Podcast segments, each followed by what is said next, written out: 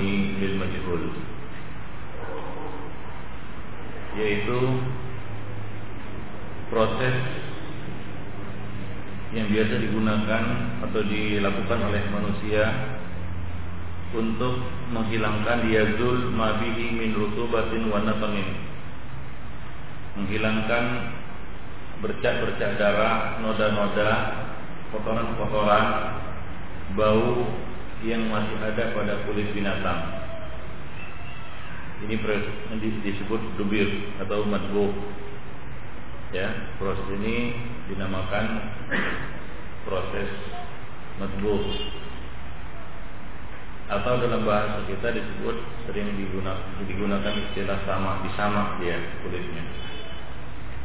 Al-ihab ya sama dengan wazan kitab yaitu jildul hewan qabla ayyudbab ihab adalah kulit hewan sebelum disamak disebut ihab. Bentuk jamaknya sama seperti kitab yaitu kutub. Uhub. Ya. Ihab satu wazan dengan kitab. Bentuk jamaknya uhub. Yaitu kulit hewan sebelum disamak. Tahura ay sara yaitu dia menjadi suci, hukumnya suci. Artinya di sini boleh digunakan sebagai bejana. Alas, mantel, atau kegunaan-kegunaan lainnya. Ya, sekarang ini kulit digunakan untuk berbagai macam kegunaan bukan hanya sebagai kantung wadah air. Tapi juga sekarang digunakan sebagai tas ya. Bahan tas sepatu bahkan baju kan begitu. Nah dari apa namanya dari kulit ya misalnya kulit kambing kulit lembu. Bahkan Kalau di Indonesia sudah jadi makanan, jadi jangkrik, kan gitu dia. Kerupuk jangkrik. Nah pada zaman Nabi nggak ada kerupuk jangkrik, nggak digunakan. Ya sampai sekarang juga, ya kalau kita lihat di Saudi Arabia bahkan daerah sekitarnya seperti di Pakistan, ya, itu kulit dibuang.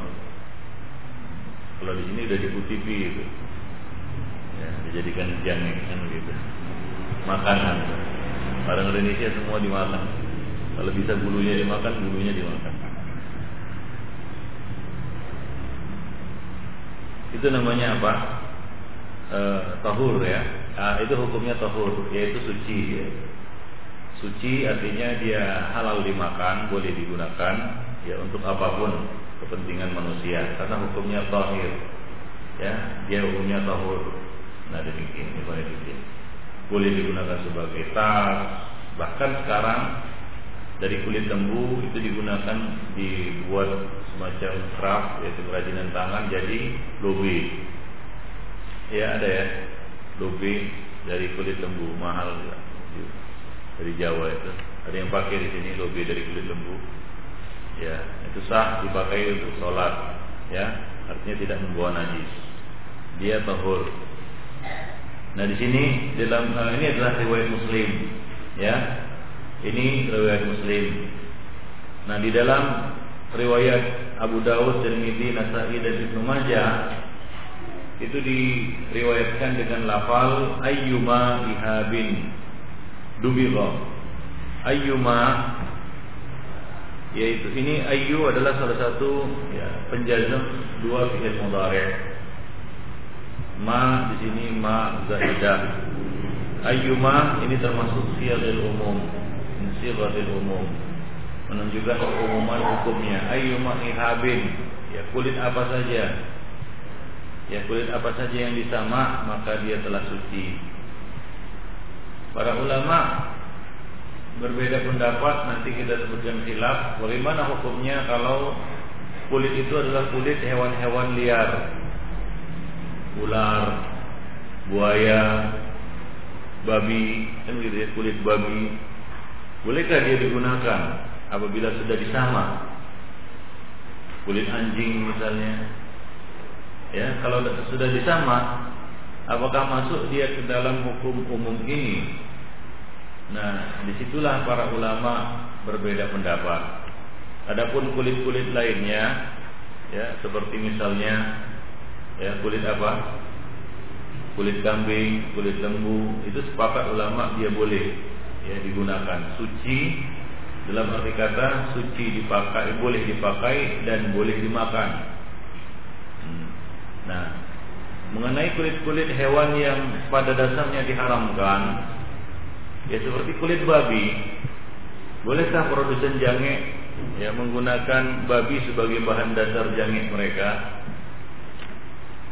Ya lalu bersandar kepada hukum umum ini ayyuma ihabin dubira faqat tahur Ah, kulit apa saja yang telah disamak maka ya dia telah suci. Suci barang suci itu bu, kita katakan boleh digunakan. Nah demikian. Nah ini yang menjadi khilaf di antara ulama nanti akan kita jelaskan. Nah hadis yang kedua baca dari Maimunah ya. Wa an Salamah bin Muhaffidin Muhaffidin radhiyallahu anhu Qala qala Rasulullah sallallahu alaihi wasallam Yudiku dulu dulu dulu dil mayitati tuhuruha Sohahu muhibban Baik Hadis yang kedua dari Ummu Kafwan dari uh, dari siapa? Dari Salamah ibnu Muhabbib. Dari Salamah ibnu Muhabbib radhiyallahu anhu yang mengatakan qala Rasulullah dibahu juludil maitah tuhuruha ya dibahu juludil mai al muhabbib ya ini apa namanya uh, salah satu uh, apa namanya uh, wazan yang sama dengan ya musannif dan sejenisnya. Dia adalah Hudali ya. Salamah Ibnu Muhabbik Al-Fudali salah seorang sahabat Rasulullah sallallahu alaihi wasallam. Ya, dia mengatakan qala Rasulullah sallallahu alaihi wasallam di bab juludil maitah. Di bab yaitu proses penyamakan. Ya, di bab adalah masdar dari dabagha ya yaitu penyamakan di bab juludil maitah Al-jild adalah risaul jismi atau risaul lahmi. Penutup daging itu namanya kulit. Dikatakan di sini penyamakan kulit bangkai adalah tuhurnya. Maksudnya adalah membuat kulit itu menjadi suci. Kita tahu bangkai hukumnya najis. Ya, bangkai najis. Tapi kalau sudah disamak ya maka ber, beralih hukumnya menjadi suci beralih menjadi suci Dan penyuciannya itu adalah dengan dibahnya, yaitu dengan penyamakannya. Baik. Ini yang kedua ya. Baik, lanjutkan yang ketiga dari Maimunah. وعن ميمونة رضي الله عنه وعنه وعنها قالت مر النبي صلى الله عليه وسلم بشاة يجر يجرونها فقال لو أخذت إهابها فقالوا إنها ميتة فقال yutahiruha yutahiruha ma'u wal qaradu ya baik. Dari Maimunah radhiyallahu anha ia mengatakan Marra Nabi sallallahu alaihi wasallam bisyatin yajurrunaha. Rasulullah sallallahu alaihi wasallam melintas ataupun melewati seekor kambing yang sudah mati, yang sudah jadi bangkai, yang diseret-seret oleh manusia. Fakal maka Nabi mengatakan kepada mereka, Lau akhadtum ihabaha. Alangkah baik jika kalian manfaatkan Kalian ambil kulitnya. Ya, kulit bangkai Itu namanya ihab sebelum disamak Faqalu maka mereka mengatakan innaha maitah bahwa kambing ini bukan kambing yang halal dimakan, dia sudah kambing bangkai. Faqal maka Nabi mengatakan yutahhiruha al-ma'u wal qarad. Kulit itu dapat disucikan, dapat dibersihkan dengan alma, dengan air dan qarad. Qarad adalah jenis daun-daun salam kalau di sini ya. Nah sejenis itu ya habbu syajaris salam ya pohon salam ya, sejenis ya pohon yang namanya pohon salam ya e, daunnya itu bisa digunakan untuk menyamak ya apa namanya kulit bangkai ini ya dengan air. Jadi Nabi Shallallahu Alaihi Wasallam menjelaskan di sini proses dibal yaitu dengan menggunakan air dan daun salam untuk menghilangkan bau anyirnya, bau busuknya dan menghilangkan bercak-bercak bekas-bekas darah. Ya biasanya digunakan daun ini atau di tempat-tempat lain yang tidak ada daun salam mungkin ada. Ya di tempat-tempat lain uh, kita katakan daun-daunan yang lainnya yang bisa digunakan atau fungsinya sama seperti daun salam. Ya sama fungsinya seperti daun salam ya untuk menghilangkan bau anyir ya darah kan begitu ya. Untuk menghilangkan bau busuk membuat dia wangi dan membuat dia bersih. Artinya dengan proses apa pun tapi uh, harus dengan air harus dengan air karena air merupakan materi utama untuk menghilangkan najis dan kotoran.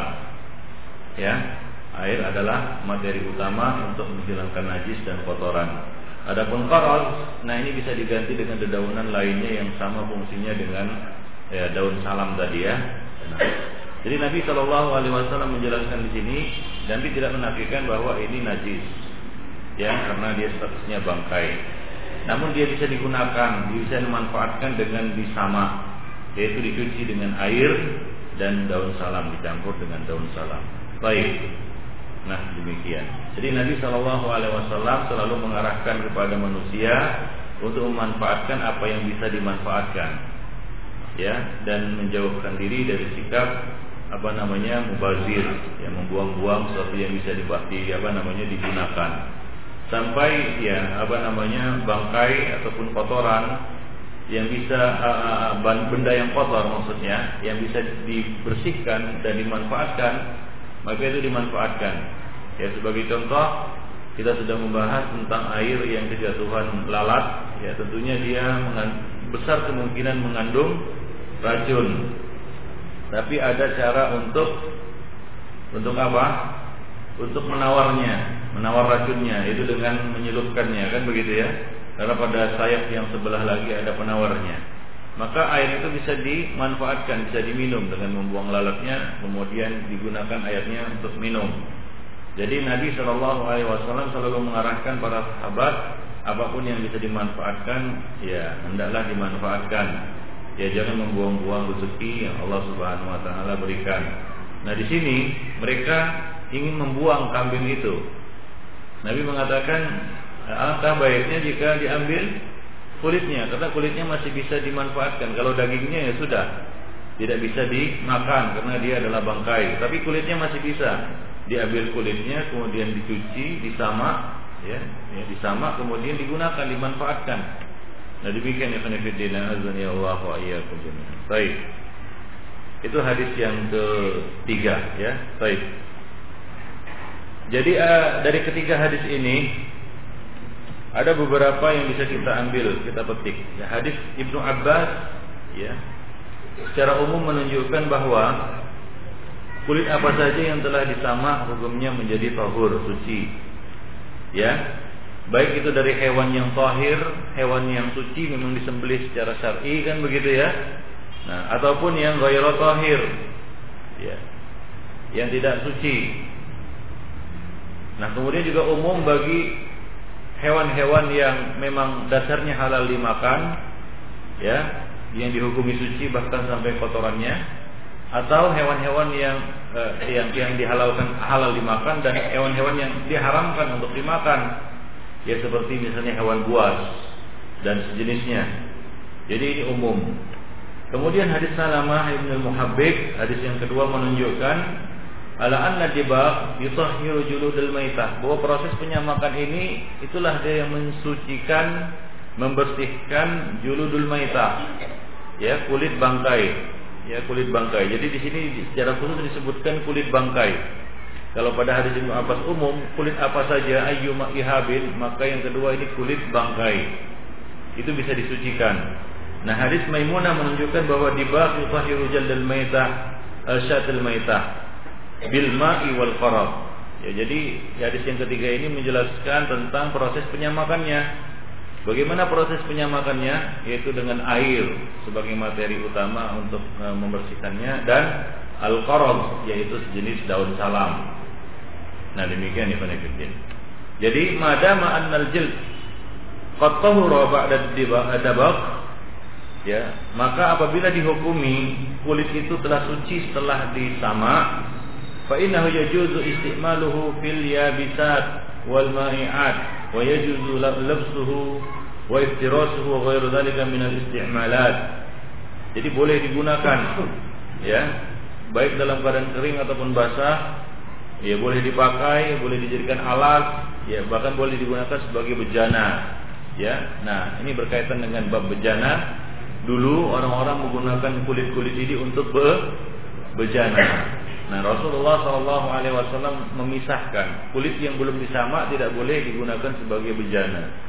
Kulit yang sudah disamak boleh digunakan sebagai bejana. Ya, bejana tahu ya, semacam kantung air yang biasa digunakan oleh para para musafirin mereka keluar ataupun di rumah-rumah ya di sebagian tempat di dunia ini masih menggunakan itu sebagai kantung air. Ya, masih menggunakan ya apa namanya kulit itu sebagai kantung air atau tempat penyimpanan susu misalnya atau ya laban kan begitu ya itu masih digunakan sampai sekarang. Nah demikian Ibn Fiddin rahimani wa rahimakumullah. Sekarang kan sudah ada kan apa namanya itu seperti itu. Apa namanya? Aqua itu, ada yang dipasang itu. Nah, apa namanya? Tangki air ya, galon. Nah, dulu nggak ada galon, Dulu mereka pakai apa? Pakai ya kulit itu. Biasanya digantung, ya kemudian diisi air. Nah kalau mau minum itu dibuka oleh apa namanya e, dibolongi kan gitu ya, cucuk apa namanya bolongnya. Nah kalau mau minum dicabut. Nabi pernah minum dari sanun muallaqah Ya semacam kendi yang digantung seperti itu. Tahu ya caranya? Nah itu dibuat bolongan, nanti dibuat apa namanya katup penutupnya kan begitu ya. Nah, sumbatnya, nanti dibuka sumbatnya akan keluar airnya akan ditampung begitu untuk minum. Nah biasanya digantung itu, digantung ya. Nah demikian. Katanya airnya ya ter, terjaga suhunya jadi apa namanya senantiasa dingin sama seperti kendi yang terbuat dari terbuat dari apa dari tanah nah demikian oleh karena itu itu digunakan dahulu nah untuk itulah hadis ini dimasukkan oleh penulis mungkin pada masa Ibnu Hajar al Asqalani masih umum digunakan. Maka eh, apa namanya eh, hadis-hadis itu dimasukkan di dalam bab bejana. Eh, ya. Uh, mungkin antum ya, kenapa ini dimasukkan ke dalam bab bejana? Al-ina al-awani. Apa hukum apa hubungannya? Ya hubungannya adalah karena dulu kebanyakan bejana-bejana itu wadah-wadah air masih menggunakan kulit-kulit ini. Nah oleh karena itu dijelaskan hukumnya. Baik nah kama annahu dzu qimah maliyah. Sebagaimana itu juga boleh dijual.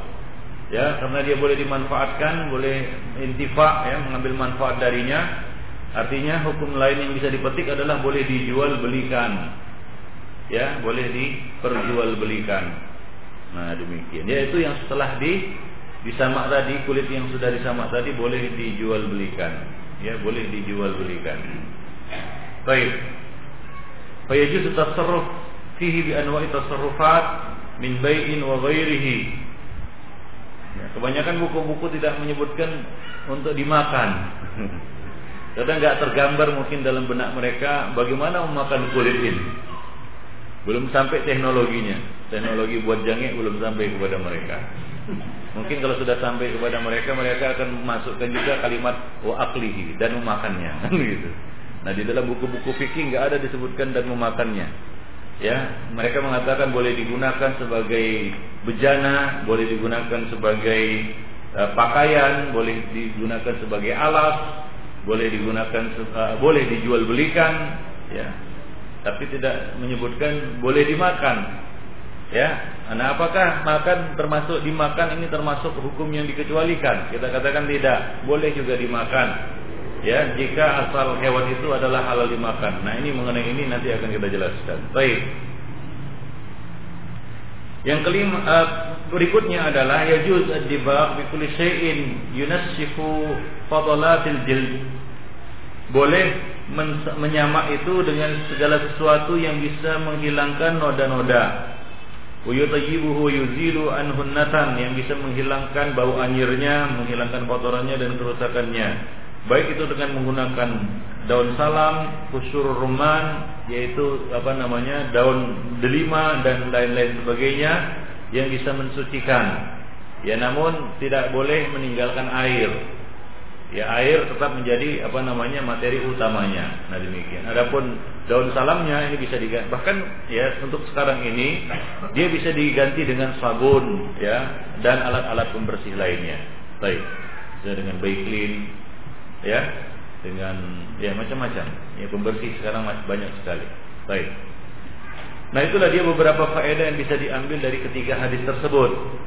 Nah kemudian ikhwanifiddin para ulama berbeda pendapat. Ikhtalafal ulama fi taharati jildil maitah ba'da dabagh Para ulama berselisih pendapat tentang kulit bangkai setelah disamak.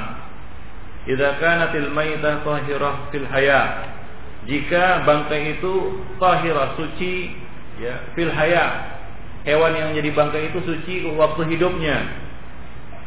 Imam Ahmad dan dan lain-lain di dalam apa namanya mazhab mereka mengatakan ya ila annal jildah eh, ila annal jildal maitah la yutahhiru bid dibab la yutahharu bid dibab bahwa kulit bangkai tidak tidak menjadi suci karena disamak Walau kanal hewan tahiran fil haya. Walaupun hewan itu tahiran fil haya, suci waktu hidupnya. Wa inna yajuzu istimaluhu fil yabisat. Namun boleh digunakan pada saat dia sudah kering, ya sudah dikeringkan. Nah demikian. Ya, ini adalah pendapat yang diriwayatkan dari Umar, dari Ibnu Umar, dari Imran bin Husain, dari Aisyah radhiyallahu anhum. Baik. Mereka berdalil dengan hadis yang diriwayatkan oleh Imam Ahmad dan imam yang empat lainnya dari Abdullah bin Uqaim Al-Juhani. Anna Nabi sallallahu alaihi wasallam kataba ila qabilati Juhaina bahwa Nabi pernah menulis surat kepada kabilah Juhaina yang isinya rakhastu lakum fi fi juludil maita aku beri keringanan mereka untuk menggunakan kulit bangkai ja'atkum kitabi fala tantafi'u minal mayyiti bi ihabin wala asbin ya. Namun apabila telah datang kepada kalian suratku ini ya maka janganlah kalian memanfaatkan minal mayyitah. Sedikit pun dari apa? Dari bangkai itu. Baik itu kulitnya ataupun uh, apa namanya uh, asbin. Asfar artinya adalah uh, otot-ototnya ataupun urat-uratnya dan apa-apa yang ada di dalamnya. Baik Imam Ahmad mengatakan sanatnya bagus dan hadis ini oleh beliau dijadikan sebagai penasih penghapus hadis Ibnu Abbas yang lalu. Nah demikian.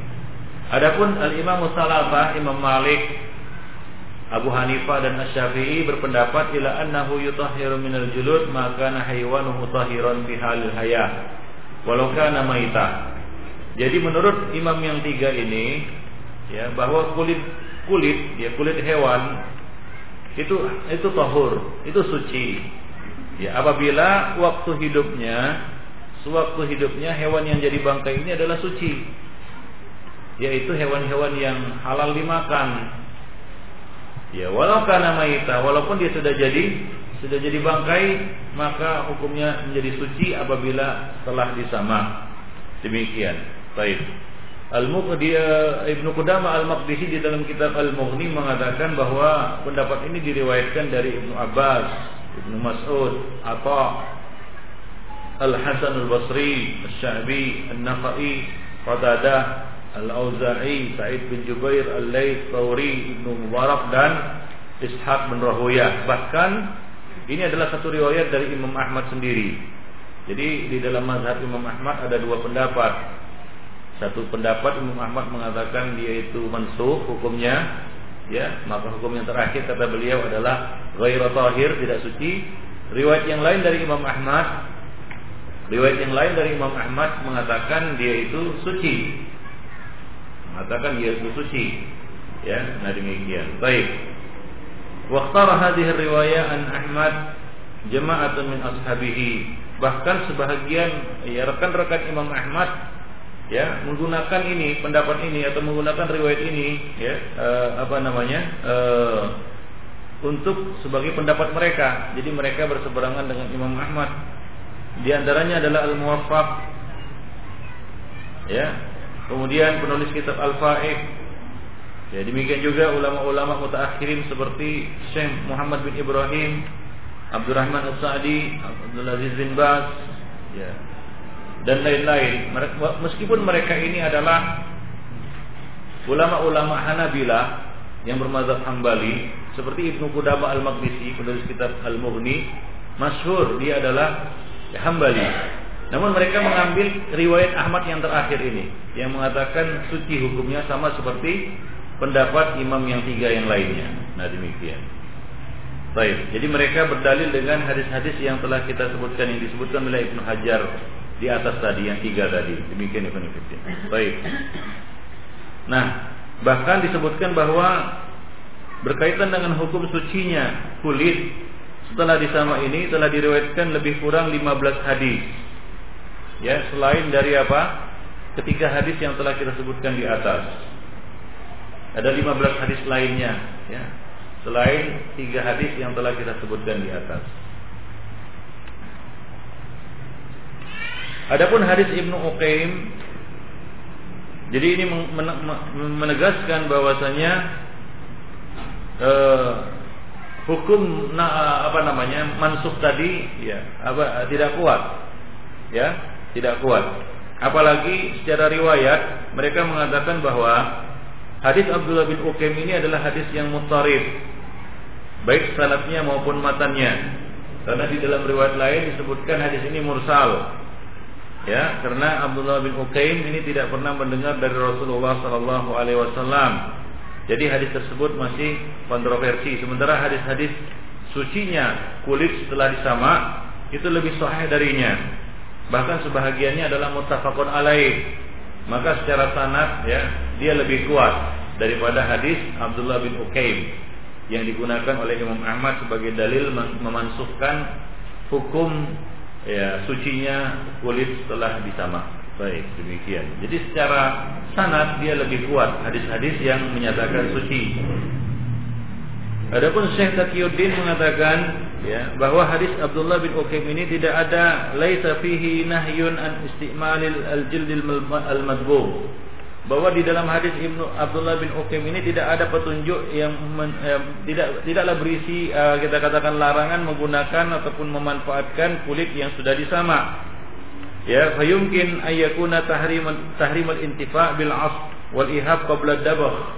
Dan ada kemungkinan bahwasanya pengharaman intifa, pelarangan intifa yaitu pemanfaatan itu pemanfaatan asap maupun uh, al-ihab kulit maupun apa namanya uh, urat-uratnya itu qabla dabak sebelum di sebelum disama ya, sebelum disama ya. Asap ini itu isi ya jerawan dan lain sebagainya itu. Ya yang kadang-kadang digunakan juga ya untuk apa? Untuk sesuatu. Baik. Itu dibawakan kepada qabla dabak sebelum disama ya memang dilarang Nah. Baik, wa hadha ma tuthbituhu an-nusus al-mutaakhirah.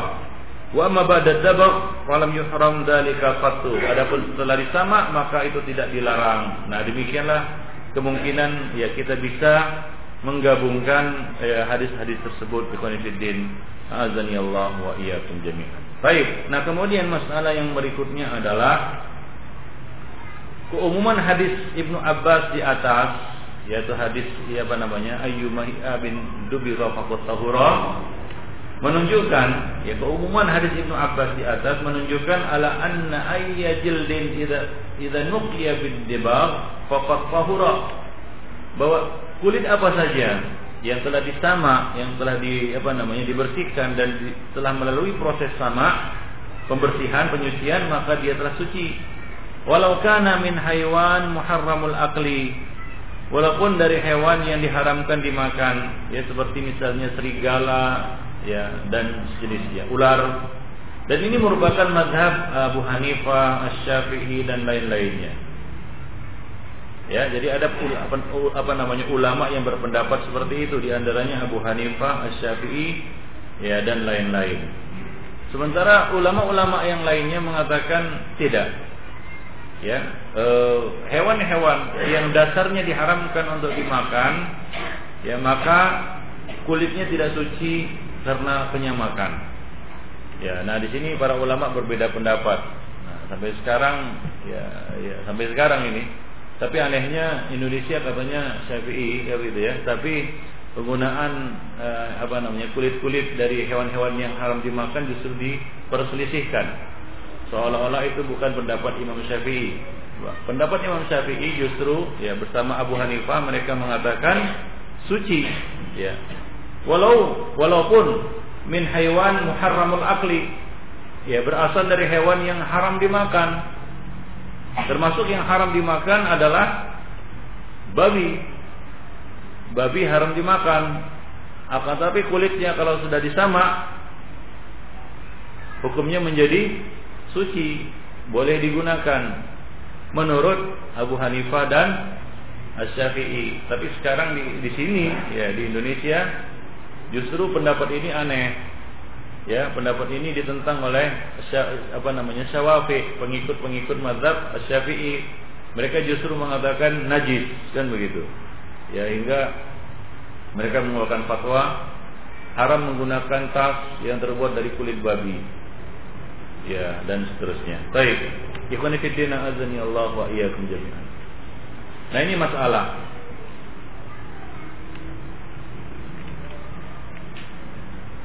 Jadi menurut sebagian ulama ya dia itu adalah suci. Ya. Jadi misalnya apa? Ihabu kalbin.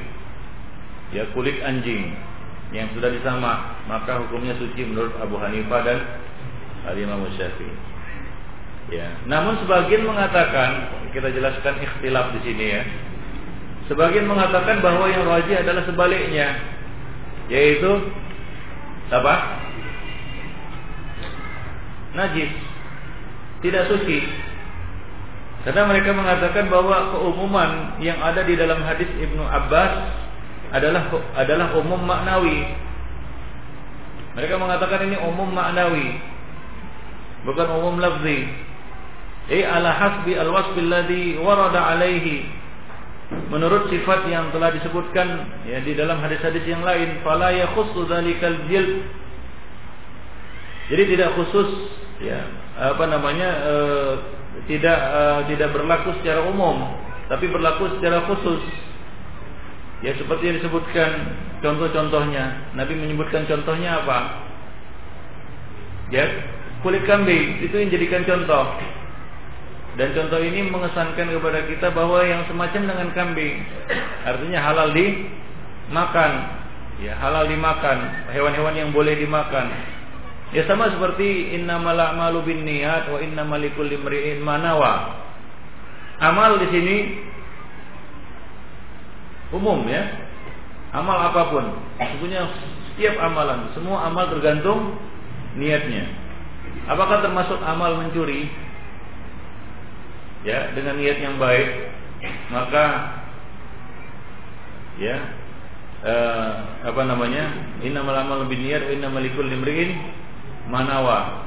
Ya, jadi mencuri kalau niatnya baik ya wa apa nama manawa menurut apa yang dia niatkan. Atau perbuatannya. Jadi keumuman al-amal di sini maksus dikhususkan dia. Ya dikhususkan Nah ini yang disebut dengan al-am murida bihil khusus. Am tapi maksudnya khusus. Ya. Am memang lafalnya am, ya, tapi maksudnya khusus. Demikian juga di sini sebagian ulama mengatakan ayyuma ihabin ini memang umum kulit, tapi ini maksudnya khusus. Ini namanya apa? Al-am urida bihi al khusus. Memang nggak ada pengkhusus lainnya. Ini bukan al-am al-maksus umum yang ada pengkhusus lain. Dalam hadis lain nggak ada dikhususkan. Tapi ini sudah apa dimaklumi. Bahwa yang dimaksud ini adalah kulit hewan-hewan yang halal di dimakan. Ini hujah yang mengatakan tidak suci ya. Tidak boleh. Ya hewan-hewan yang haram dimakan ya artinya itu tidak suci. Tidak uh, tidak dihukumi suci. Tapi dihukumi najis. Nah demikian ikhwan fillah azani Allah wa Ini namanya al-am urida bihil khusus umum tapi maksudnya adalah khusus. Nah demikian. Baik. Ya. Nah. Jadi pola e, tidaklah e, umum berlaku untuk semua apa namanya kulit. Namun kulit-kulit tertentu ya seperti misalnya apa? Kulit kambing. Ini sebagai contoh Nabi menyebutnya sebagai contoh. Oleh karena itu ketika Nabi menyebutkan amal dan contohnya Ya, dengan contoh kita dapat mengerti apa yang dimaksud oleh Nabi. Ya, apa yang dimaksud oleh Nabi Shallallahu Alaihi Wasallam.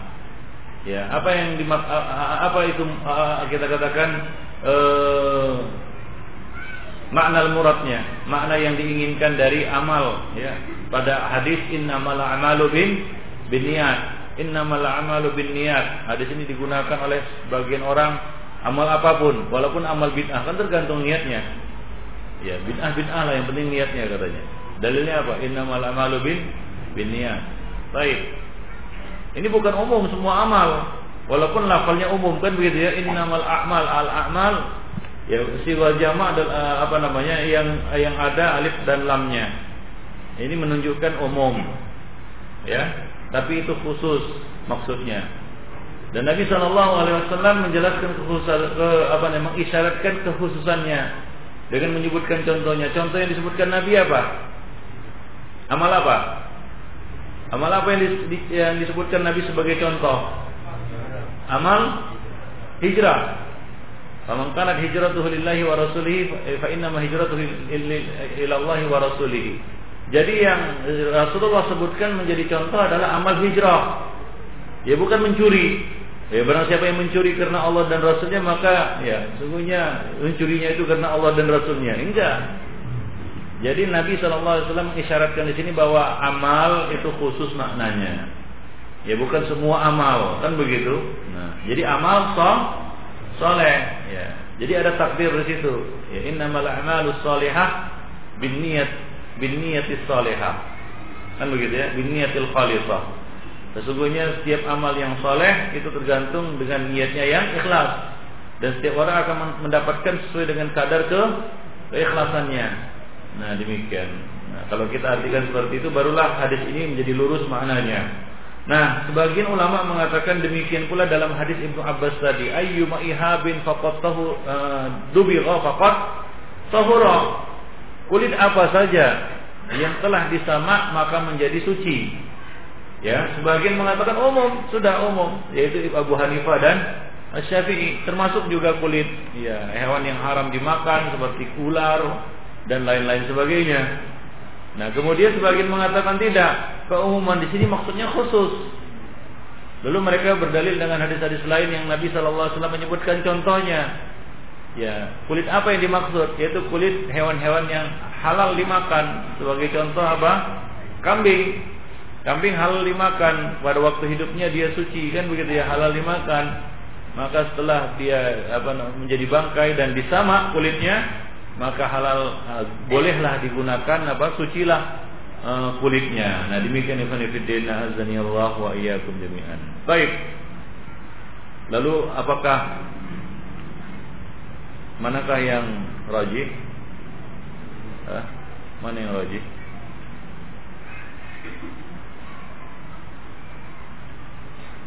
Mana yang rajih dalam bab ini?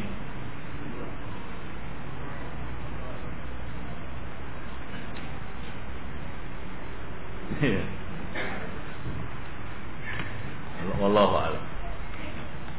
Kita juga ya ikhtilaf. Ya kalau yang cari yang terbaik ya dari pendapat yang lain ya, pendapat Imam Ahmad, Malik dan lain-lain sebagainya mengatakan ini maksus. Al-am urida khusus. Wan al-am urida bihi khusus. Umum tapi maksudnya khusus. Sudah yang umum, tidak ada khususan di sini. Ya. Nah, baik. Wallahu a'lam. Mana yang lebih rajih antum uh, coba pelajari lagi. Ya atau tanya-tanya lagi kan gitu. Tapi kita sudah menyebut, menyebutkan latar belakangnya. Kenapa satu pihak mengatakan suci, kenapa satu pihak mengatakan najis. Baik. Jadi jadi dari contoh ya, dapat kita ketahui bahwa yang dimaksud oleh Nabi dari kulit itu adalah kulit hewan yang halal dimakan. Baik. Nah selesai kita membahas masalah kulit yang disamak, hukum kulit yang disamak. Kita lanjutkan pada permasalahan yang berikutnya.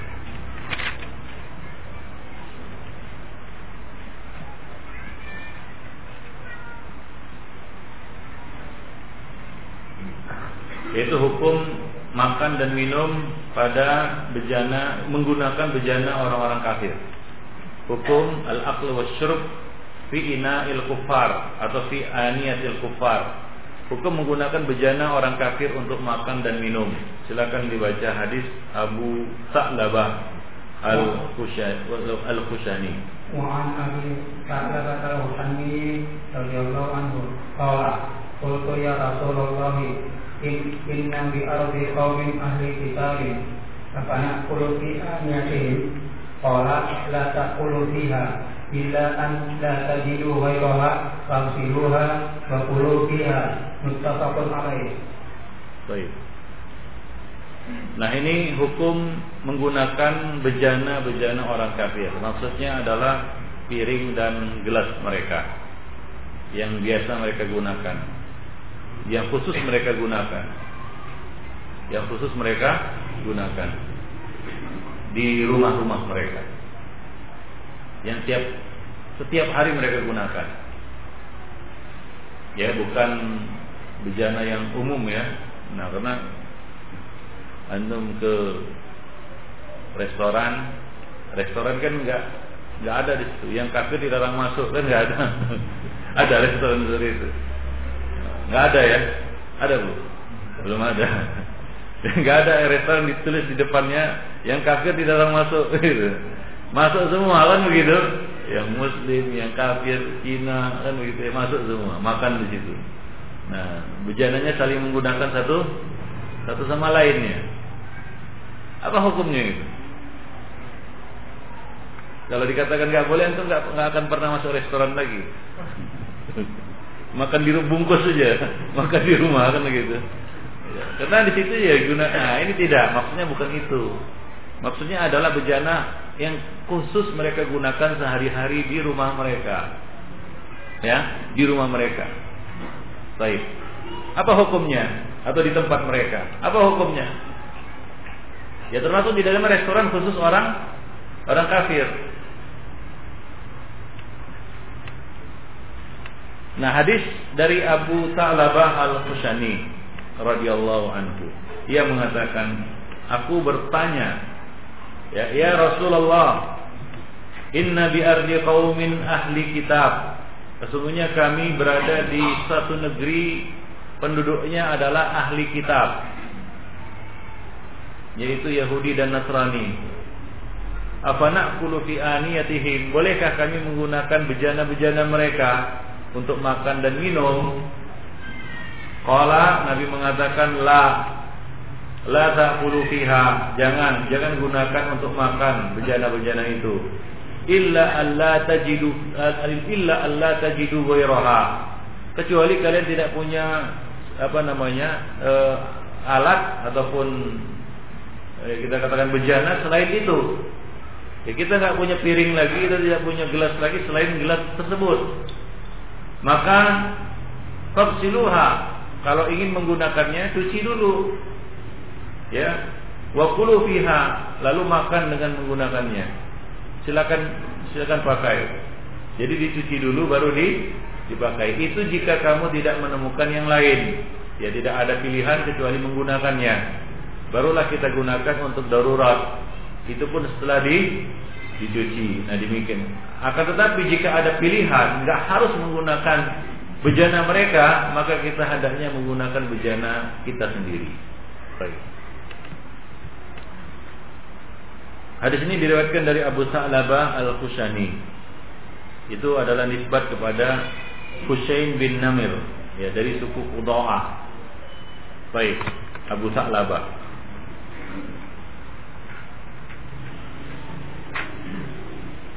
Kaum di sini adalah maksudnya adalah eh, eh, Yahudi dan Nasrani, ahli kitab. Ini adalah sifat.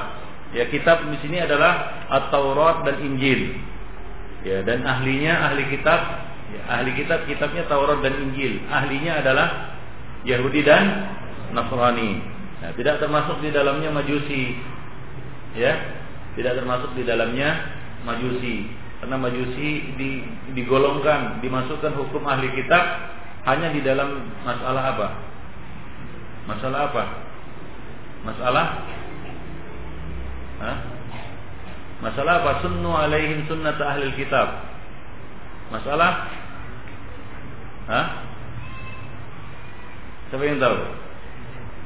Jiz Jizyah Ya, sunnu alaihim sunnat ahli kitab masalah jizyah saja tidak merembet kepada masalah-masalah lain yang di mana ada beberapa hukum itu dikhususkan ahli ahli kitab. Baik.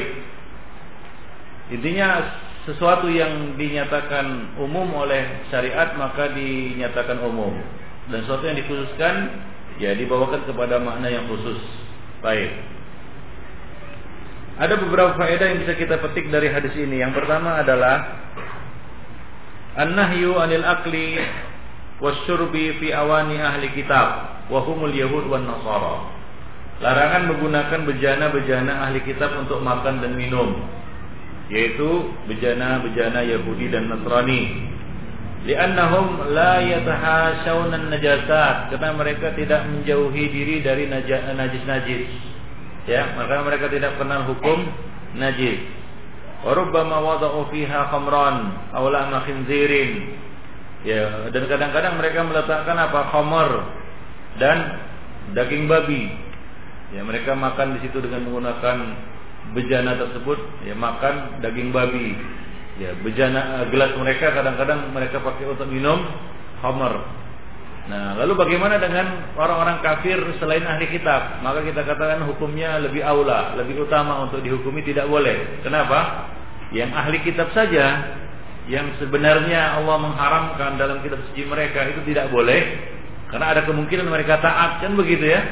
Itu saja tidak boleh apalagi yang tidak ada kemungkinan taat seperti orang Cina nggak kenal namanya kitab suci. Ya. Orang Majusi, orang Hindu, orang Buddha yang nggak kenal kitab suci ini lebih patut untuk dilarang ya uh, penggunaan bejana-bejana mereka untuk makan dan minum. Ya, yaitu awani al-musyrikin, awani kufar aula bil man'i. Ya, hukum mereka sama seperti hukum bejana ahli kitab. Baik. Dan bejana ahli kitab akrab ilal haqqi minhum. Ya, ahli kitab lebih dekat kepada apa? Kebenaran daripada orang-orang musyrik. Yang mana kalau mereka beriman, masuk Islam maka mereka mendapatkan dua pahala ya pahala beriman kepada nabi mereka sebelumnya dan pahala beriman kepada Rasulullah sallallahu alaihi wasallam. Baik. Ya. Falahum ya ta'alim samawiyah. Dan mereka punya ajaran-ajaran ya nilai-nilai ajaran dari langit. Ya mereka sebenarnya juga diharamkan babi. Bahkan sebagian orang Nasrani sampai sekarang ada juga yang taat. Tidak makan babi, tidak minum arak, kan begitu? Ya, ada apa namanya beberapa sekte aliran di, di dalam agama Nasrani ini tidak makan babi. Ya, oh, ada yang mengatakan ya, kami tidak makan babi, kami ini aliran apa namanya? Advent ya. Ya, Advent. Kami tidak makan babi, kami enggak minum khamar. Nah demikian. Itu pun tetap dilarang. Ya, tetap dilarang. Hukumnya ini umum, baik Nasrani yang taat maupun yang tidak taat. Nah demikian. Amma baqiyatul kuffar fahum ab'ad minal kitabiyyaini anda alimid di al adyan. Adapun selain ahli kitab tentunya mereka lebih jauh dari apa? Dari kebenaran. Ya, mereka lebih jauh dari apa? Ajaran nilai-nilai agama. Ya, maka ya bejana-bejana mereka lebih utama untuk dilarang ya penggunaannya. Nah, kemudian apabila seorang muslim ya terpaksa untuk menggunakan bejana-bejana mereka. Misalnya dalam kondisi mereka berada di negeri kafir. Ya. Kita berada di negeri kafir.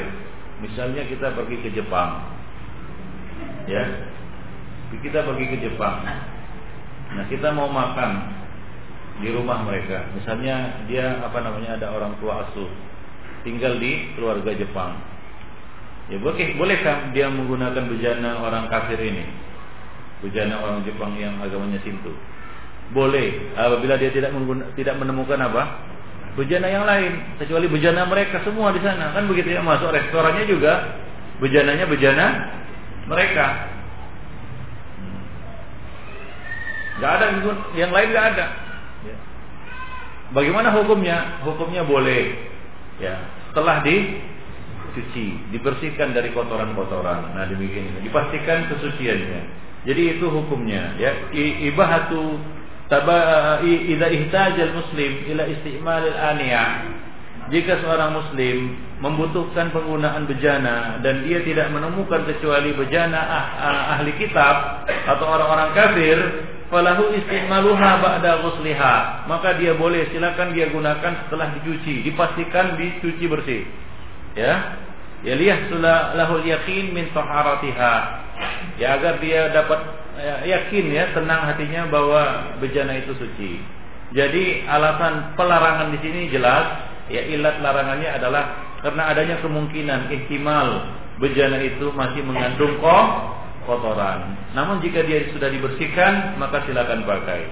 Namun jika ada bejana kita, bejana muslim, ada bejana kafir, tentunya antum tidak memilih bejana kafir. Yang diperintahkan oleh syariat adalah menggunakan bejana-bejana muslim yaitu yang dipakai oleh orang-orang muslim bukan bejana orang-orang kafir. Baik.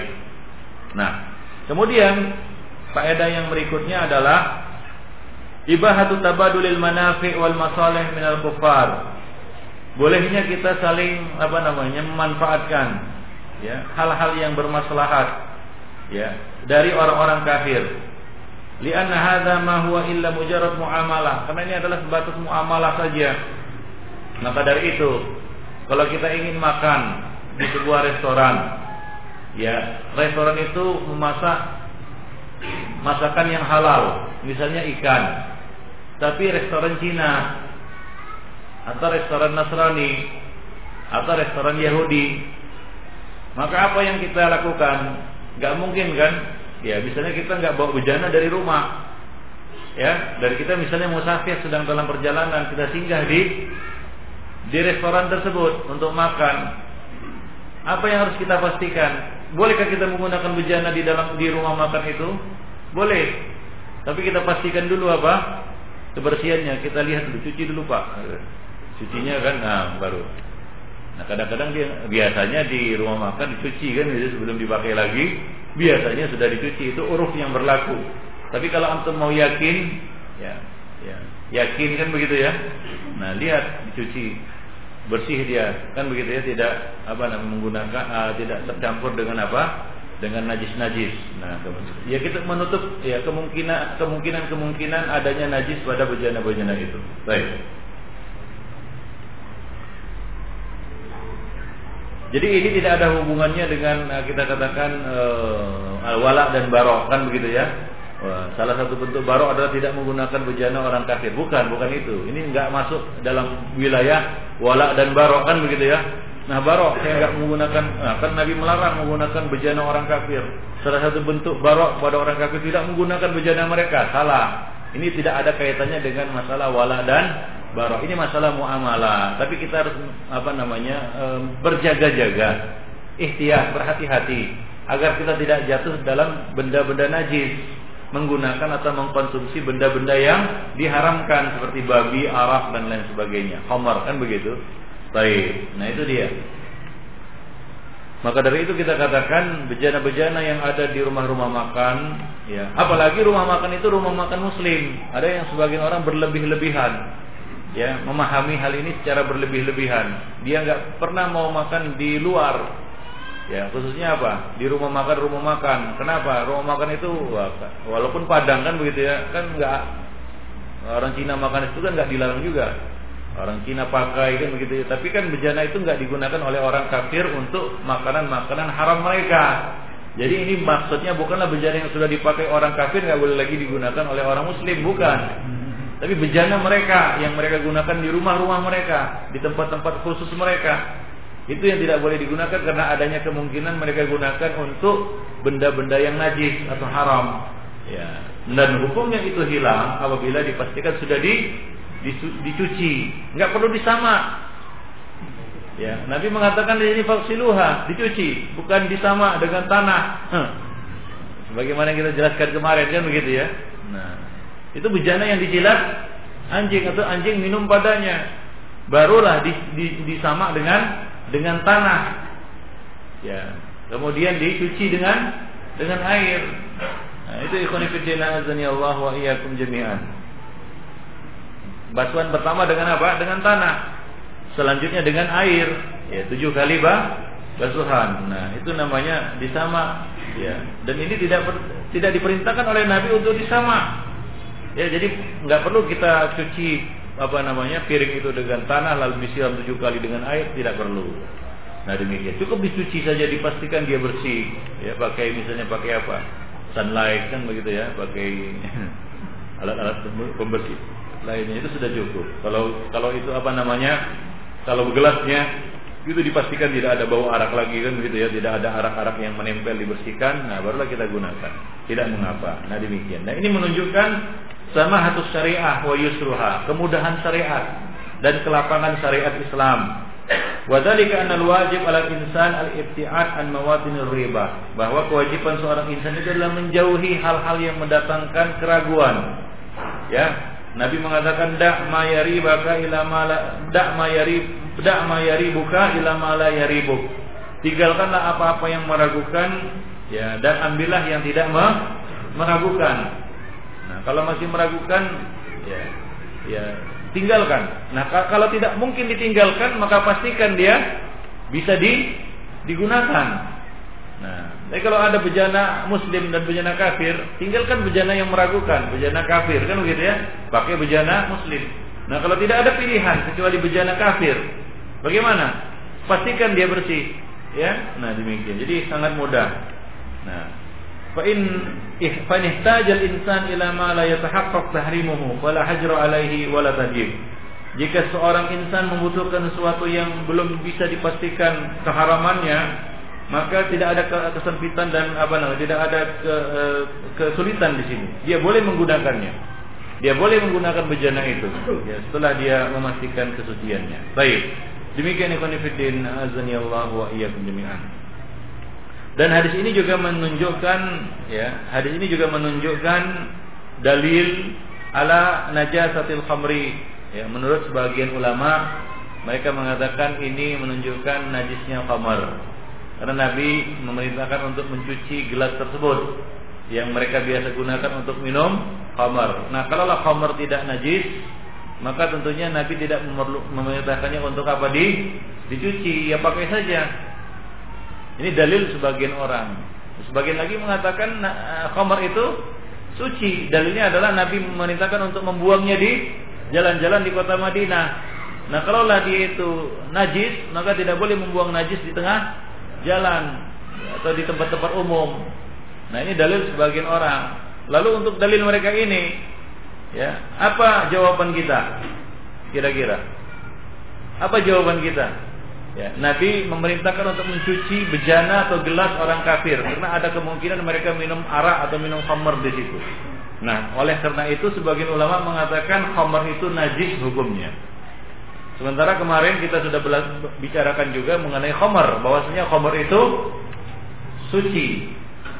Artinya zatnya suci, tapi haram di diminum, itu jelas. Ya, nah ada nas syariat. Nah, lalu bagaimana dengan hukum sucinya itu? Nah, di sini ada dua pendapat. Kita tahu memang ada dua pendapat ya para ulama berselisih pendapat di dalam masalah ini. Nah, dalil yang mengatakan dia itu najis adalah hadis hadis ini ya. Dan hadis-hadis lainnya ya, misalnya di dalam riwayat Muslim, di dalam sahihnya ya dikatakan inna nujawiru ahlal kitab Rasulullah, wahai Rasulullah, kami bertetangga dengan ahli kitab. Wahum yatbaquna fi qudurihim al-khinzir wa yashrabuna fi aniyatihim al-khamra. Mereka itu memasak di periuk-periuk mereka, ya, memasak babi di periuk-periuk mereka. Dan mereka juga minum khamar pada gelas dengan gelas-gelas mereka. Mereka minum khamar dengan gelas-gelas tersebut. Faqala Rasulullah sallallahu alaihi wasallam maka Nabi mengatakan kepada mereka ini hadisnya sahih riwayat Muslim, "Idza wajadtum ghairaha Fakulu wasrabu fiha. Jika kalian menemukan bejana lain, wadah lain, piring dan gelas yang lain, maka gunakanlah itu. Maka dan minumlah dengan menggunakan bejana tersebut. Fa lam tajidu ghairaha, namun jika kalian tidak menemukan selain itu kata Nabi,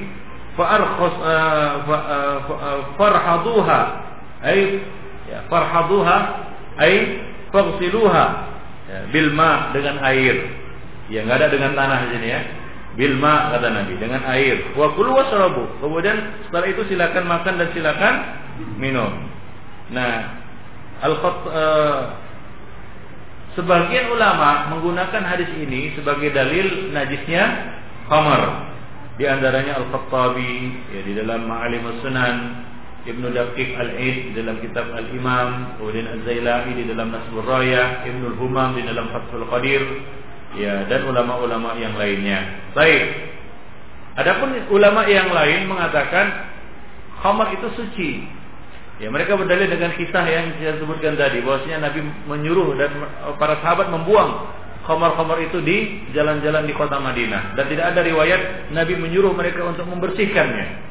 Ya, kalaulah itu najis tentunya Nabi akan menyuruh untuk membersihkan ya bekas-bekas najis tersebut karena najis tidak boleh dibuang di sembarang sembarang tempat. Ini dalil mereka. Baik. Nah sekarang yang jadi pertanyaan, mana pendapat yang lebih rajin? Bagi yang mengatakan najis mereka ngotot. Ini kan Nabi menyuruh untuk membersihkannya dengan air. Artinya dia najis. Kalau tidak najis maka Nabi tidak akan menyuruhnya untuk dicuci. Tidak akan menyuruh mereka untuk mencucinya dengan air. Lalu apa jawaban bagi yang mengatakan suci? Bal. Apa dalilnya?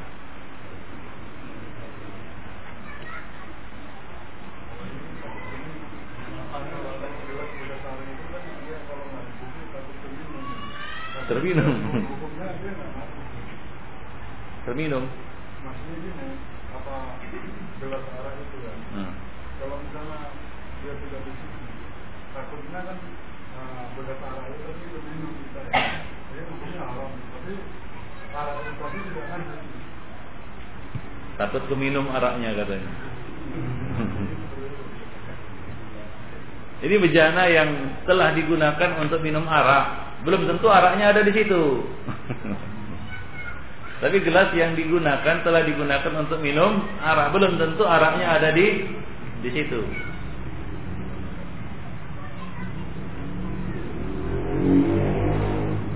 Kira-kira apa itu?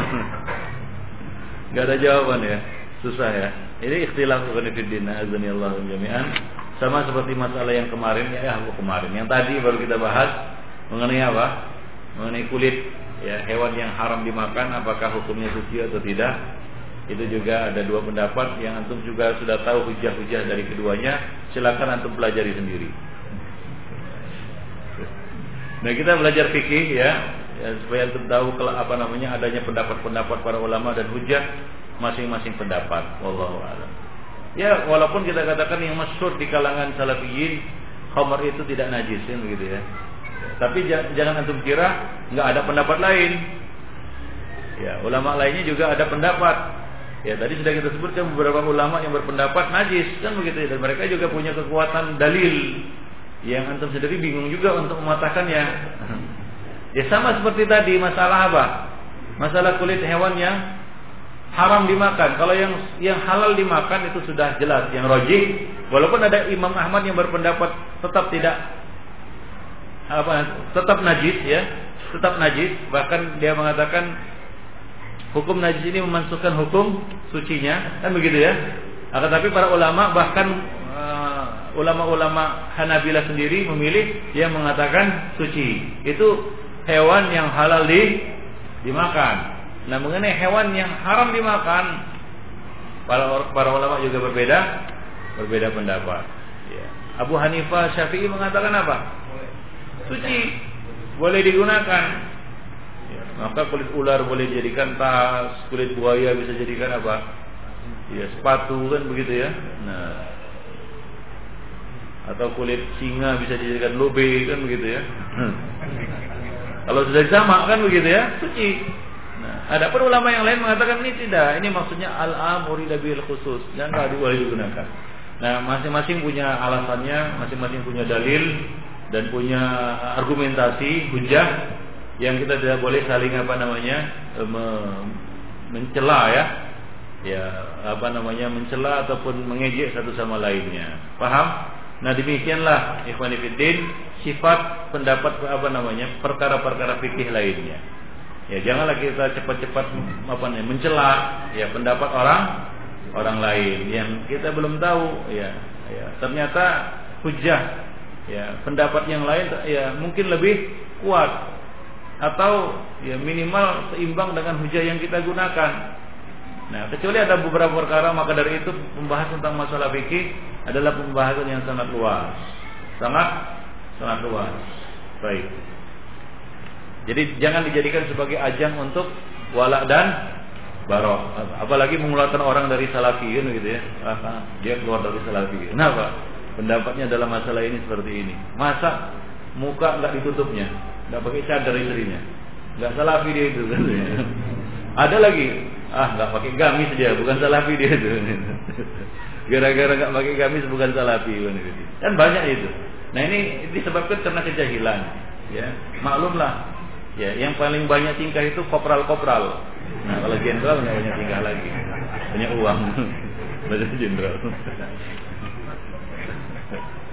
Ikhwani fi din azani Allah wa iyyakum jami'an.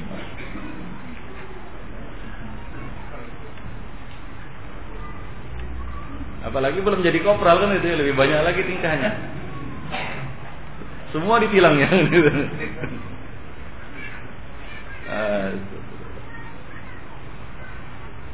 Baik. Lanjutkan. وعن عمران بن حسين رضي الله عنه أن النبي صلى الله عليه وسلم وأصحابه توضأوا من مزادة امرأة مشركة متفق عليه في حديث طويل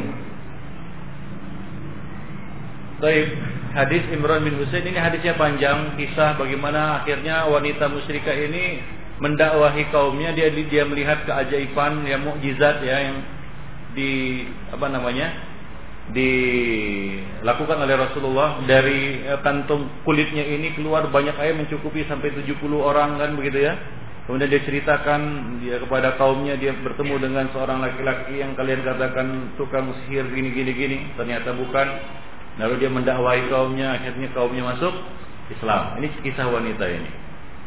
Ya. ya. Baik, Imro'ah musyrikah. An Imran bin Husain radhiyallahu anhu anna Nabi sallallahu alaihi wasallam wa ashabahu tawadda'u. Bahwasanya Nabi dan sahabat-sahabat beliau tawadda'u min mazadah imra'atin musyrikah dari kantong kulit milik seorang wanita musyrik. Mazadah itu dengan memfathahkan mim, mazadah dan sudahnya zai, ya kemudian alif, kemudian dal, ya mazadah. Ai alladhi allati yatazawwaduna bihal ma' minal mawarid yang biasa digunakan sebagai kantung air ya. Mazadah adalah kantung air yang terbuat dari kulit yang digunakan oleh orang-orang Arab jahiliyah dahulu ya. Sejak zaman jahiliyah dulu. Yaitu mereka biasa untuk mengambil air ke oase ya. Mereka menggunakan kantong kulit itu untuk dibawa ke, ke rumah ya. Baik atau bukan apa yang tahu ya gambarannya bagaimana bentuknya ya di sebagian tempat di daerah-daerah masih menggunakan itu ya Abu Ubaid mengatakan wala takunu illa min jil, min jildain Ya, biasanya ya mazada ini terbuat dari apa? Dari kulit. Ya, imra'ah musyrikah itu musyrik. Dia adalah seorang ya, apa namanya? Uh, Arab jahiliyah, apa wanita Arab jahiliyah. Ya, agama nenek moyang, agama musyrik. Nah, demikian. Baik. Jadi Nabi Shallallahu alaihi wasallam menggunakan air yang ada di dalam bejana orang musyrik ini, wanita musyrikah ini untuk apa? berwudu. Sementara syarat berwudu airnya harus suci. Kalaulah air dari bejana ini tidak suci, ya tentunya Nabi tidak akan menggunakannya untuk wudu. Ini menunjukkan bahwa ya uh, mazada yaitu kan, uh, kantung kulit ya bejana air yang digunakan oleh orang-orang musyrik, orang-orang kafir hukumnya suci ya. Karena uh, dimaklumi urufnya mereka juga membersihkan ya kantung kantung kulit itu sebelum digunakan. Ya, biasanya mereka membersihkannya juga. Baik, maka dari itu dibawakan kepada hukum asalnya yaitu suci.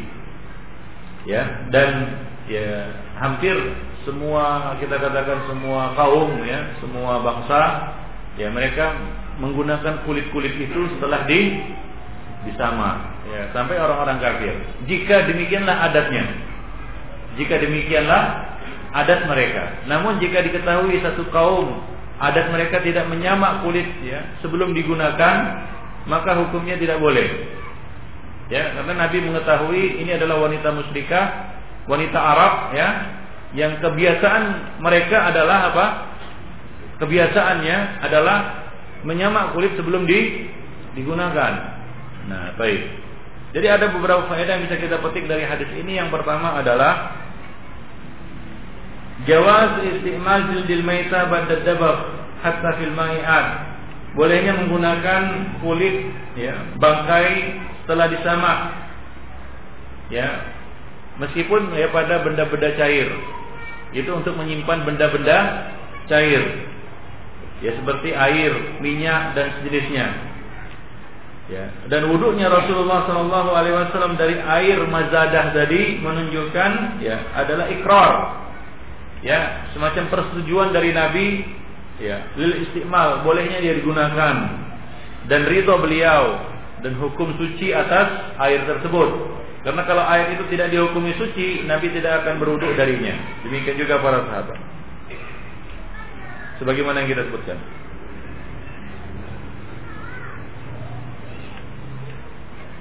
Dan bahwasanya zabihah al musyrik maitah. Sembelihan orang musyrik maita bangkai. Bukan enggak demikian karena mereka tidak tidak menyebut asma Allah. Jadi hukumnya bangkai, muharramah.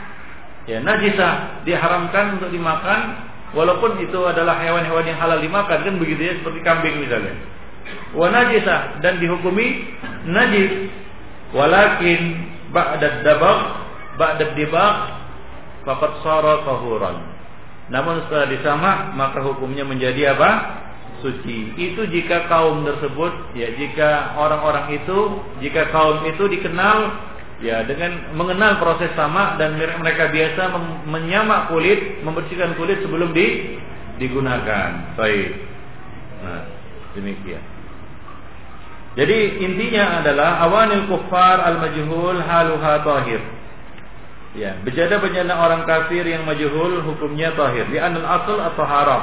Fala tazulu fi najasatiha min istimalihim laha. Maka tidaklah hilang ya dengan keraguan tentang kenajisannya ataupun hukum sucinya. Nah demikian ikhwan fillah. Adapun firman Allah Subhanahu wa taala innamal musyrikuna najas yaitu surat At-Taubah ayat 28, maka yang dimaksud di sini adalah najis i'tiqadnya, bukan najis hissiyah, tapi najis maknawiyah namanya. Najis maknawi bukan najis hissi, yaitu yang najis di sini adalah akidahnya, ya. Akidahnya. Bukan apa? Badannya.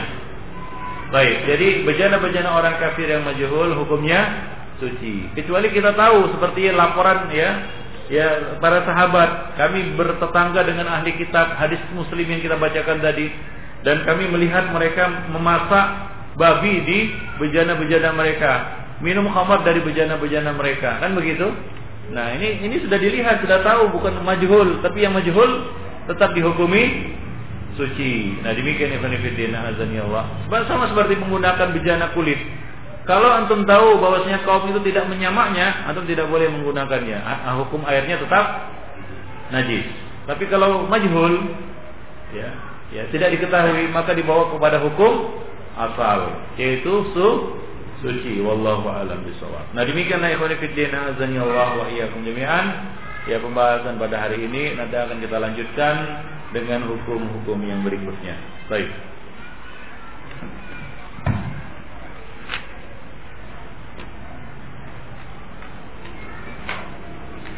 yaitu najisnya uh, apa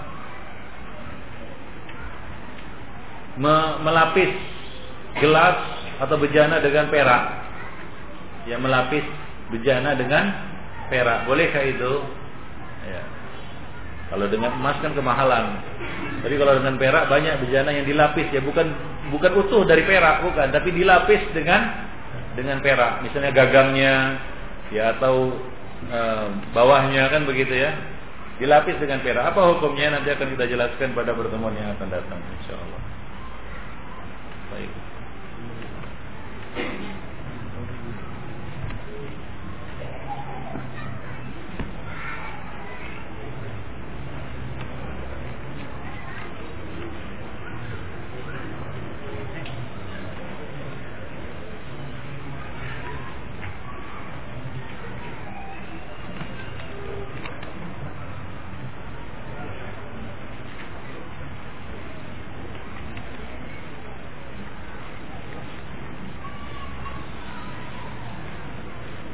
Bagaimana hukumnya jika kita menginap dan makan serta minum di rumah saudara keluarga yang non muslim?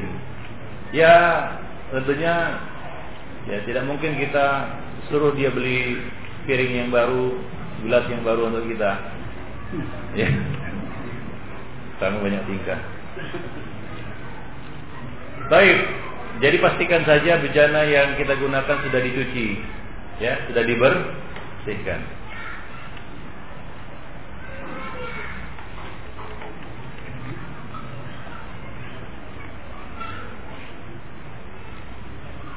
Bagaimana hukum kulit hewan kurban? Apakah boleh digunakan sebagai bejana? Ya boleh digunakan setelah di setelah disama.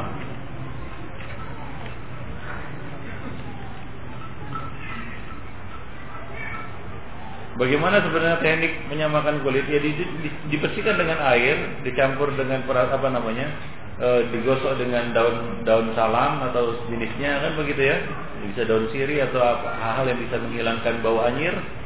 Ya kemudian biasanya setelah itu dijemur, ya selesailah dia. Itu saja.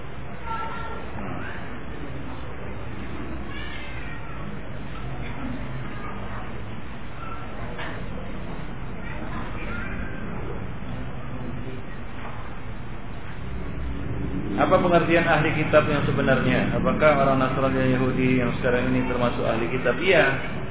Ya iyalah. Kalau nggak ada ahli kitab, eh, hukum ini sia-sia, nggak ada nggak ada manfaatnya. Ya Nabi mengatakan demikian.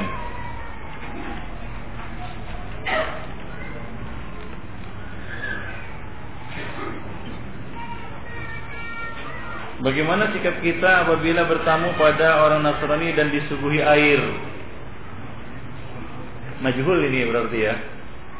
Ya, hukum asalnya sih boleh digunakan. Tapi kalau jijik ya bisa minum muntah pula nanti di situ. Kecuali antum tahu dia peminum arak dan minum arak kan begitu ya, maka antum jangan minum. E, kecuali memastikan gelas itu sudah di dicuci. Baik.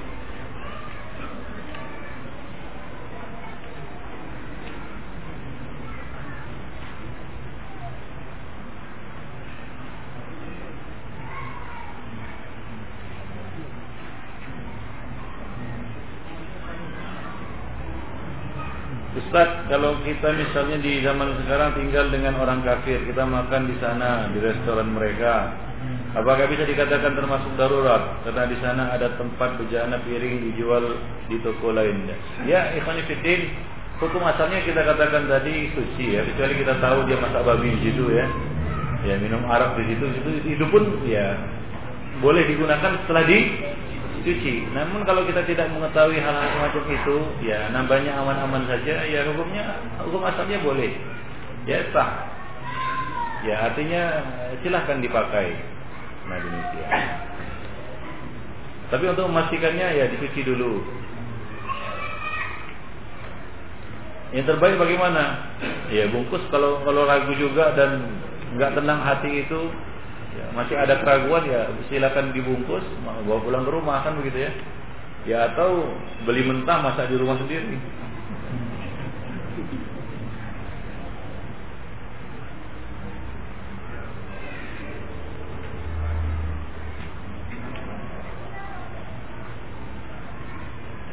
Ustadz saya pernah baca di majalah bahwa kuas yang digunakan untuk mengolesi mentega di atas roti terbuat dari bulu babi. Bagaimana jika hal itu benar? Benar ini. Ya Allah alam kan begitu ya. Nah, anggaplah benar. Nah di sini ada dua pendapat, ya. Pendapat yang pertama yang mengatakan ya najis, yang kedua mengatakan tidak najis. Ya sudah. Ya.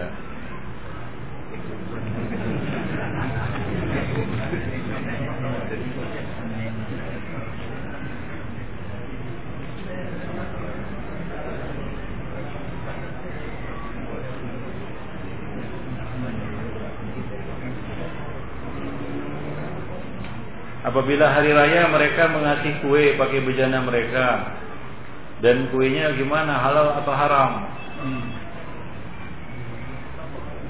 Ya halal kuenya halal. Ya kembali kepada uh, hukum tadi, jika antum tahu ya bahwasanya mereka menggunakan alat-alat itu untuk juga memasak babi ya atau homer maka dicuci kalau antum e, menyaksikan ya bahwasanya belum dicuci ya maka tinggalkan yang meragukan kepada yang tidak meragukan. Kan gampang. Memangnya ada kue babi bakpao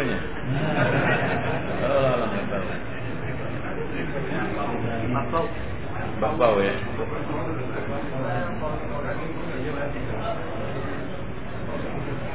Apabila hewan akikah lebih dari satu ekor, apakah boleh disembelih di tempat yang berbeda? Misalnya satu kambing disembelih di daerah tempat tinggal suami dan satu ekor lagi disembelih di kampung istri agar keluarga istri dapat menikmati dagingnya.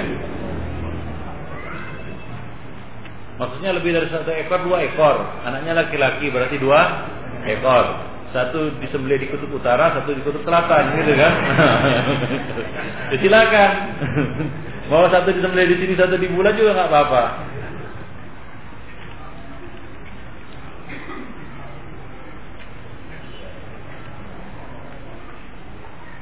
Asal jangan satu disembelih di dunia, satu lagi di akhirat.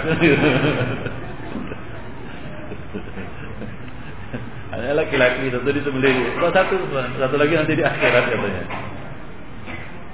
Ya boleh, silakan. Ya, satu di sini, satu di kampung istri, satu di kampung suami.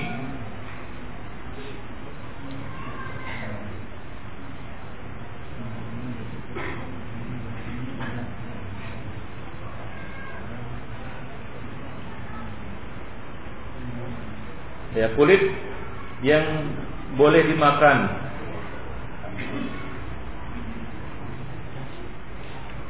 dari kulit-kulit yang sudah disamak kulit ikhwanifidin ya. Kulit yang sudah disamak itu suci. Tapi hukum memakannya ini berbeda. Makanya tidak disebutkan di dalam buku-buku fikih. Tadi kan disebutkan orang Arab atau dulu tidak tahu bagaimana menggunakan kulit. Ya kan? Nah tentunya untuk hal-hal yang dimakan ya, penyembelihannya harus syari. Paham? Nah kalau kulit itu adalah kulit bangkai ya kemudian disama tetap tidak boleh digunakan sebagai apa? Bahan makanan. Walaupun boleh digunakan untuk keperluan-keperluan yang lainnya. Ya? Untuk keperluan-keperluan yang yang lainnya.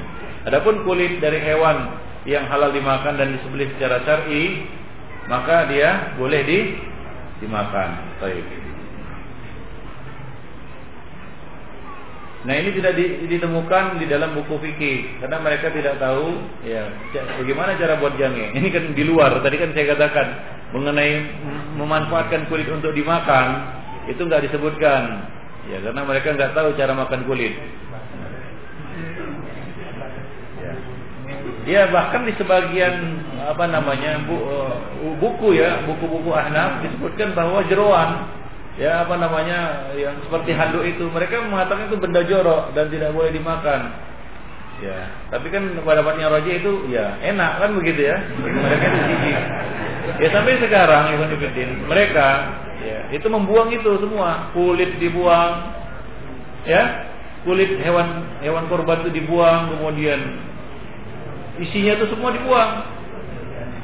Mereka katakan itu apa? Benda kotor Nah, tiba di Indonesia jadi apa? Jadi makanan. Ya, masuk dalam gulai kan begitu. Enak. Habis juga. Apa hukumnya kopi luwak yang dibuat dari eh, yang dibuat atau diproses dari kotorannya?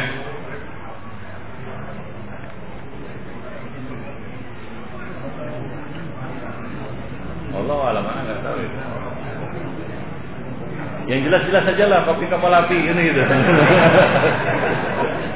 Nescafe gitu. Jadi dua. Baru dua. Ya kata MUI sih boleh setelah dicuci.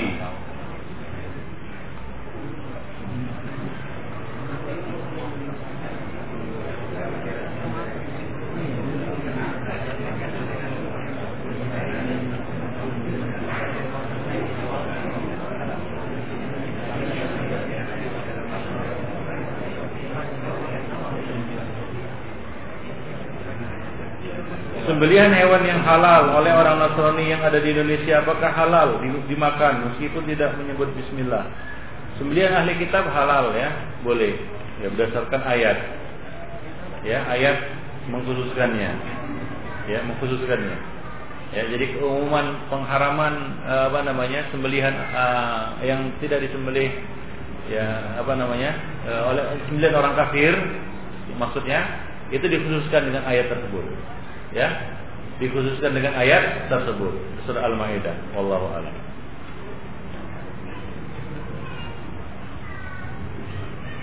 Apa hukum gigi palsu yang terbuat dari emas atau perak? Ya tidak boleh juga. Laki-laki maksudnya, laki-laki tidak boleh menggunakan gigi emas. Ya.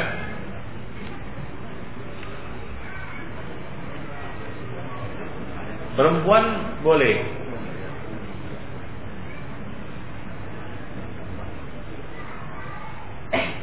Apakah zikir pagi dan petang boleh diamalkan sembari beraktivitas seperti berjalan, berdagang boleh.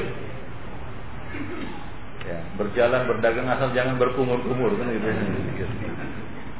Atau di WC nggak boleh ya, berzikir di WC nggak boleh.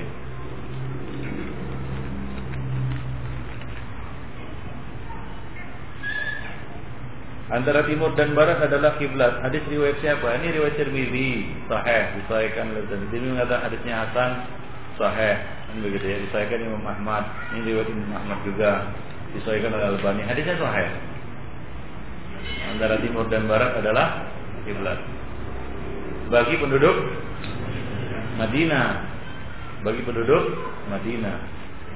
Nah, bagi penduduk Yaman, ya antara timur dan barat juga kan begitu ya? Ya tapi arahnya ke u, utara. Bagi yang di timur arah ke barat. Bagi yang di barat arah ke timur.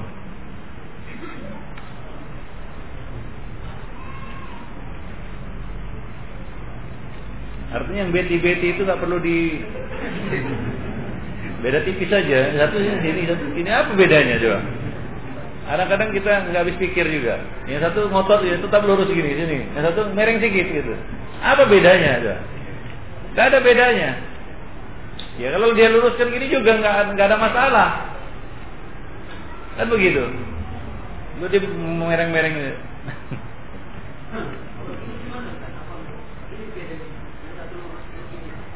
Apanya? Satu? Oh, berlebihan itu ya. Jangan-jangan ke Israel nanti dia mengatakan.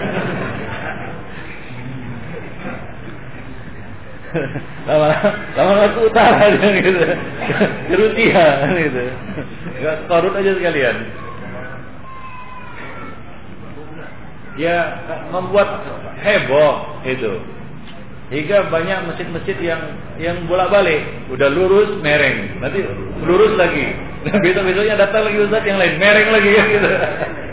Ada imamnya aja ustaz. Hah? Imamnya aja ah. Yang lain biasa, imamnya aja yang ngadap itu ya. ngadap apa namanya istilahnya barat laut. Yang lainnya ngadap ke barat gitu. Ya itu banyak banyak terjadi sekarang. Ya satu masjid, ya mungkin setiap Jumat berbeda dia. Nah, hari ini yang khotib yang khotib berpendapat ngadap ke barat laut. Ya, habis habis khotbah ngadap ke barat laut tuh, diganti semua kan. Nah, jemaat depan datang pula khotib yang lain kan begitu ya, berpendapat ah, tetap ke barat, balik lagi ke barat gitu. Kan banyak itu masjid-masjid yang kayak gitu kondisinya sekarang. Ya, bolak-balik aja kan gitu ya. Kadang mereng, kadang lurus, mereng lurus, mereng lurus. Pening yang selalu lama-lama.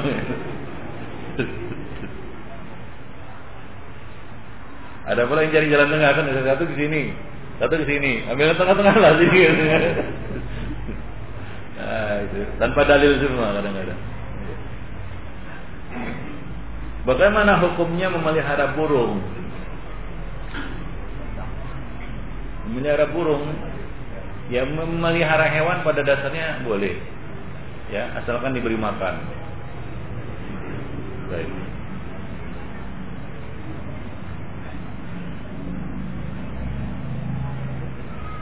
Bagaimana hukumnya menjual makanan yang dibuat di rumah orang kafir? Sedangkan pekerjanya orang-orang muslim. Ya nggak mengapa.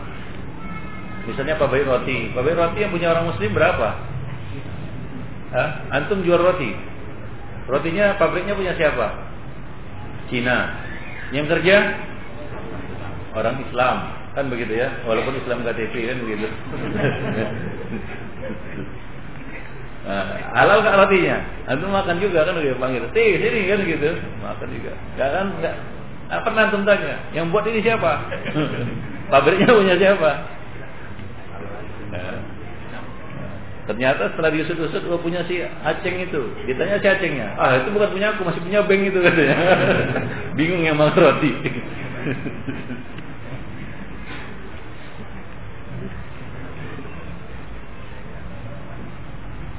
Bila dompet dibuat dari kulit babi dan bila diambil pendapat bahwa ia najis, apakah tidak tetap tidak boleh menggunakannya? Maka tidak ada bekas yang tertinggal di tubuh kita.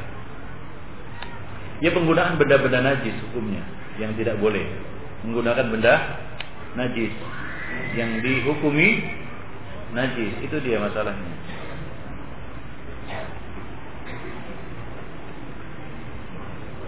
bukan menyentuh benda najis. Kalau menyentuh benda najis kita bisa cuci kan begitu. Pemanfaatan benda najis.